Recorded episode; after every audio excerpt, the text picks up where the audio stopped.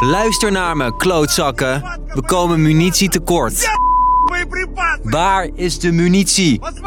Kijk naar ze. Een woedende baas van de Wagner-groep, een Russisch huurlingenleger. Omringd door gesneuvelde Russische soldaten roept hij Poetin op meer wapens aan hem te geven. Anders zullen er nog veel meer doden volgen, zegt hij. De Wagner-troepen zitten in Oekraïne om Rusland naar een overwinning te helpen.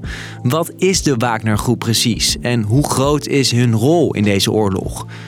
Ik ben Steef en ik leg het je uit. Lang verhaal kort. Een podcast van NOS op 3 en 3FM. Dit is Wagner, de componist Wagner. En daar zou de Wagner-groep naar zijn vernoemd, omdat het de favoriete componist was van Adolf Hitler.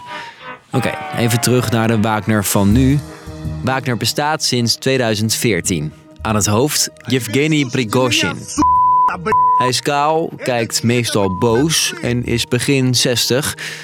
Ooit zat hij jarenlang vast vanwege diefstal en fraude. Hij ging hotdogs bakken en opende een restaurant in Sint-Petersburg.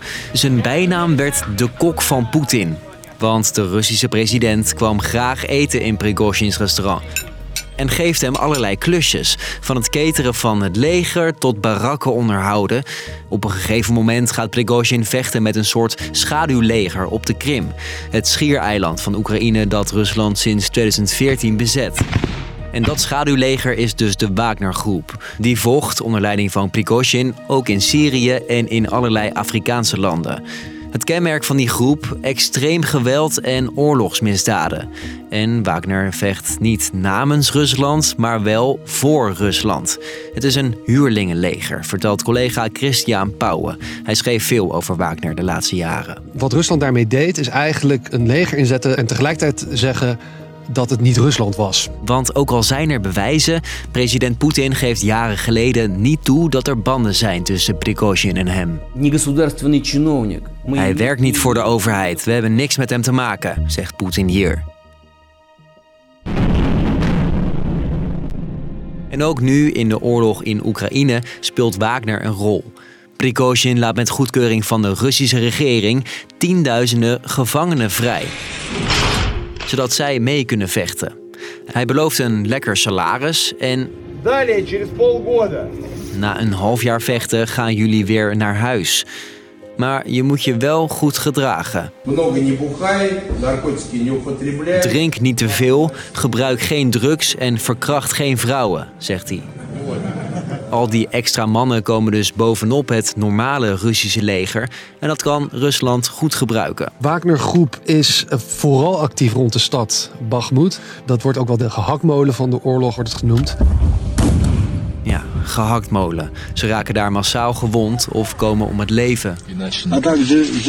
Ik ben als enige van de 15 over, zegt deze Wagner-strijder. En dat is niet zomaar, zegt Christian. Zeker die gevangenen worden vaak als kanonnenvoer gebruikt. We hebben video's gezien en we hebben berichten gehoord van de ene na de andere Wagner-militair die op dezelfde plek eigenlijk werd eh, gedood door Oekraïnse militairen. En toch bleven ze die mannen maar naar voren sturen. Toch lijkt Rusland door de Wagner-troepen wat verder te zijn gekomen in die belangrijke stad Bakhmut. Het is er zeker wel gelukt om hier en daar wat vooruitgang te boeken. De vraag is wat voor prijs hebben ze daarvoor moeten betalen. De duizenden, mogelijk tienduizenden mensen die, die rond dat front zijn gesneuveld. Was dat het waard? Dat is de grote vraag. Ook omdat Oekraïne sommige delen weer heeft terugveroverd. De Wagner-groep krijgt dus best wat voor elkaar. Toch is Poetin niet altijd blij met zijn oude kok. Hij heeft nogal een grote mond. Bijvoorbeeld toen hij laatst om meer wapens vroeg aan Poetin. En dat trekt de aandacht. Zeker in westerse media wordt er natuurlijk ook graag naar hem geluisterd. Ook omdat hij als een van de weinigen lijkt te erkennen als dingen niet goed gaan. Terwijl het Russische leger die tegenslagen juist ontkent.